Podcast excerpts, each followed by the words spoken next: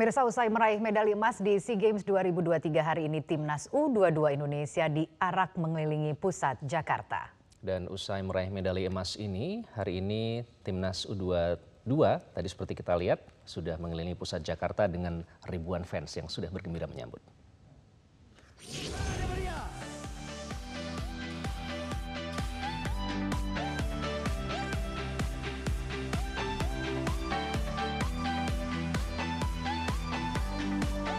Usai meraih medali emas di SEA Games 2023, hari ini timnas U22 Indonesia diarak mengelilingi pusat Jakarta. Konvoi ini dimulai dari gedung Kemenpora dan berakhir di Stadion Gelora Bung Karno.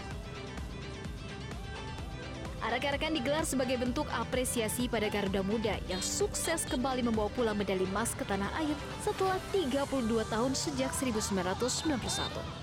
Rute konvoi dimulai dari gedung Kemenpora menuju ke Stadion Utama Gelora Bung Karno pukul 8.30 waktu Indonesia Barat.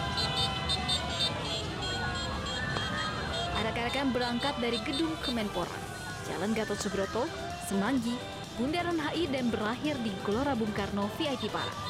Sambutan luar biasa pun diberikan oleh ribuan supporter. Bahkan mereka sudah menanti arak-arakan skuad Garuda Muda sejak subuh.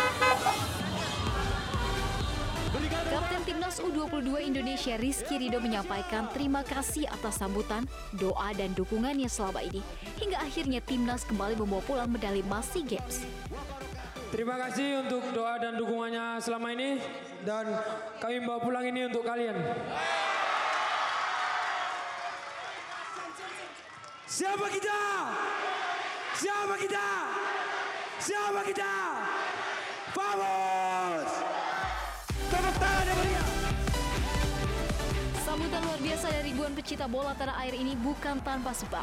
Seperti diketahui, timnas Indonesia U22 berhasil membungkam Thailand dengan skor 5-2 pada final SEA Games 2023 Kamboja.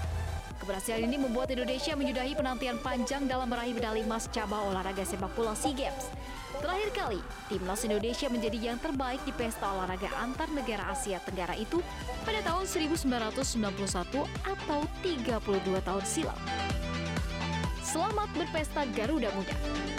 Pemirsa Indonesia berhasil menduduki peringkat ketiga dalam perolehan medali di SEA Games Kamboja 2023 dengan total perolehan 87 emas, 80 perak, dan 109 perunggu. Dan kedudukan ini tentunya ditandai prestasi fenomenal yang diraih kontingen Indonesia dalam beberapa cabang olahraga. Ajang pertandingan olahraga terbesar di Asia Tenggara tersebut. Berikut rangkumannya. Sejumlah prestasi fenomenal ditorehkan kontingen Indonesia di SEA Games Kamboja 2023. Yang pertama tentu saja dari cabang olahraga sepak bola. Untuk pertama kalinya sejak 32 tahun menanti, tim Merah Putih berhasil meraih medali emas yang terakhir diraih tahun 1991. Di final, tim asuhan Indra Syafri mengalahkan timnas Thailand 5-2 melalui babak perpanjangan waktu. Medali emas ini bagaikan obat dari rindu prestasi di cabang olahraga sepak bola Indonesia. Prestasi fenomenal juga ditorehkan tim basket putri, yang berhasil meraih medali emas pertama sepanjang keikutsertaan nomor ini di SEA Games. Di final, Yuni Anggreni dan kawan-kawan sukses mengalahkan Kamboja dengan skor telak 154. Kemudian di cabang bulu tangkis, kontingen Indonesia berhasil menjadi juara umum dengan raihan 5 emas, 2 perak, dan 3 perunggu. Yang membuatnya fenomenal adalah prestasi ini diraih dengan menurunkan pemain-pemain lapis kedua pelatnas. Karena lapis pertama saat ini tengah berjuang di ajang Piala Sudirman 2023. Cabur berikutnya yang mencatat prestasi fenomenal adalah nomor tim tenis putri. Priska Nugroho, Aldila Suciadi, Beatrice Gumulya, dan Jesse Rompis berhasil mengulang prestasi 18 tahun lalu dengan meraih medali emas di partai final, tim putri Indonesia mengalahkan Thailand dengan skor 2-1. Dan yang terakhir di cabur angkat besi, atlet Indonesia Rahmat Erwin tidak hanya meraih medali emas, tapi juga menorehkan rekor baru SEA Games. Rahmat Erwin yang baru berusia 22 tahun membukukan total angkatan 359 kg. Hasil ini mengalahkan rekor milik atlet asal Thailand, Swep Suan Mathawut, dengan total angkatan 355 kg di tahun 2021. Dan pemirsa, itu tadi sejumlah prestasi yang membanggakan yang ditorehkan atlet-atlet Indonesia di SEA Games Kamboja 2023 Setelah meraih emas SEA Games 2023, timnas Indonesia akan fokus mempersiapkan diri di ajang Asian Games. Persiapan matang akan segera dilakukan karena skuad Garuda akan menghadapi lawan-lawan yang lebih berat di kawasan Asia.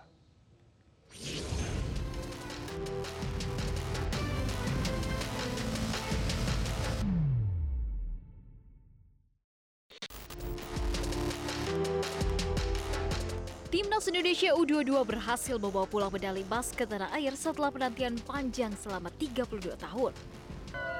Setelah keberhasilan emas di SEA Games 2023, kini Garuda Muda langsung dipersiapkan untuk turun di ajang level Asia yaitu Asian Games. Pengalaman di SEA Games 2023 Kamboja bisa menambah jam terbang para pemain demi berprestasi di Asian Games yang akan berlangsung di Hangzhou, Tiongkok. Marcelino Ferdinand dan kawan-kawan akan menghadapi lawan-lawan yang lebih berat di kawasan Asia. Dan untuk itu persiapan batang harus segera dilakukan PSSI. Mau juara lagi?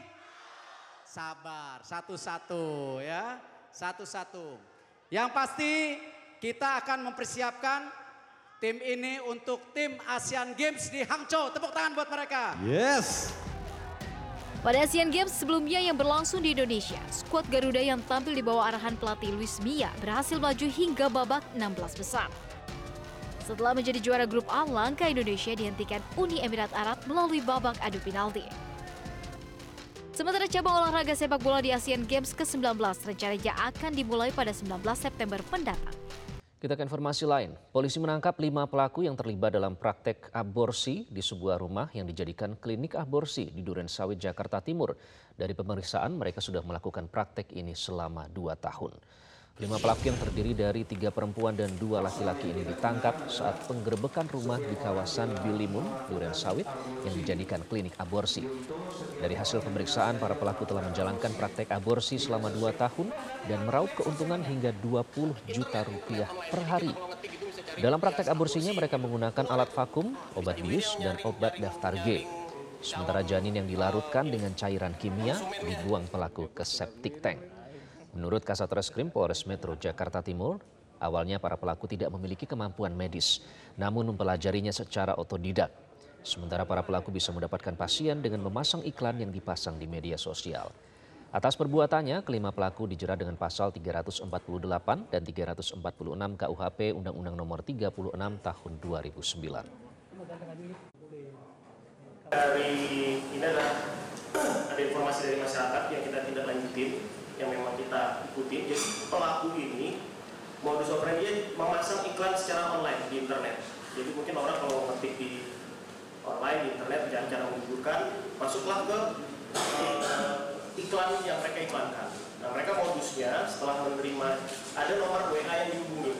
Dari nomor WA tersebut kemudian diarahkan ke rumah sakit yang tadi Pak Bapak Kapolres sampaikan yang memang seolah-olah ini seperti tindakan yang resmi dari rumah sakit. Tapi dari situ ada peran tersangka yang menjemput, menjemput, kemudian diarahkan, diputar-putar, kemudian diarahkan ke tempat prakteknya.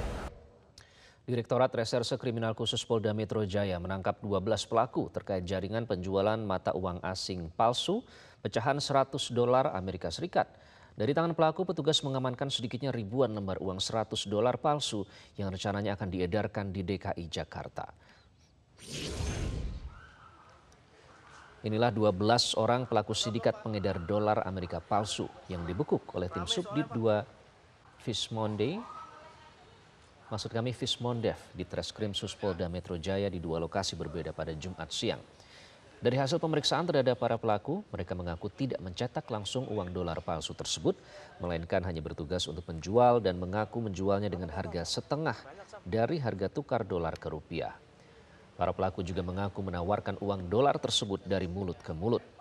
Dari tangan pelaku yang ditangkap di beberapa lokasi, petugas mengamankan 6.856 lembar uang 100 dolar Amerika Serikat palsu, 16 unit handphone, 3 unit mobil, dan beberapa barang bukti lain. Atas perbuatannya pelaku terancam hukuman 15 tahun penjara. Ketua Komisi Pemberantasan Korupsi atau KPK batal memeriksa Kepala Dinas Kesehatan Lampung Rehana yang sedianya dilakukan hari ini. Namun kemarin penyidik KPK telah dikirim ke Lampung untuk mengecek secara langsung harta kekayaan milik Kepala Dinas yang dinilai tidak wajar. Hari ini jadwal pemeriksaan Kepala Dinas Kesehatan Lampung Rehana yang diduga memiliki harta kekayaan tidak wajar batal dilakukan. Sedianya Rehana akan diperiksa sekaligus menyampaikan klarifikasi terkait data laporan harta kekayaan penyelenggara negara atau LHKPN miliknya hari ini. Sebagai pejabat, Rehana diduga tidak melaporkan seluruh harta kekayaan miliknya. Beberapa harta yang tidak dilaporkan antara lain tas yang harganya fantastis hingga mobil mewah. Meskipun pemeriksaan batal dilakukan hari ini, KPK kembali menjadwalkan ulang pada minggu depan. Kemarin, penyidik KPK juga sudah ditugaskan ke Lampung untuk mengecek secara langsung harta kekayaan milik Rehana.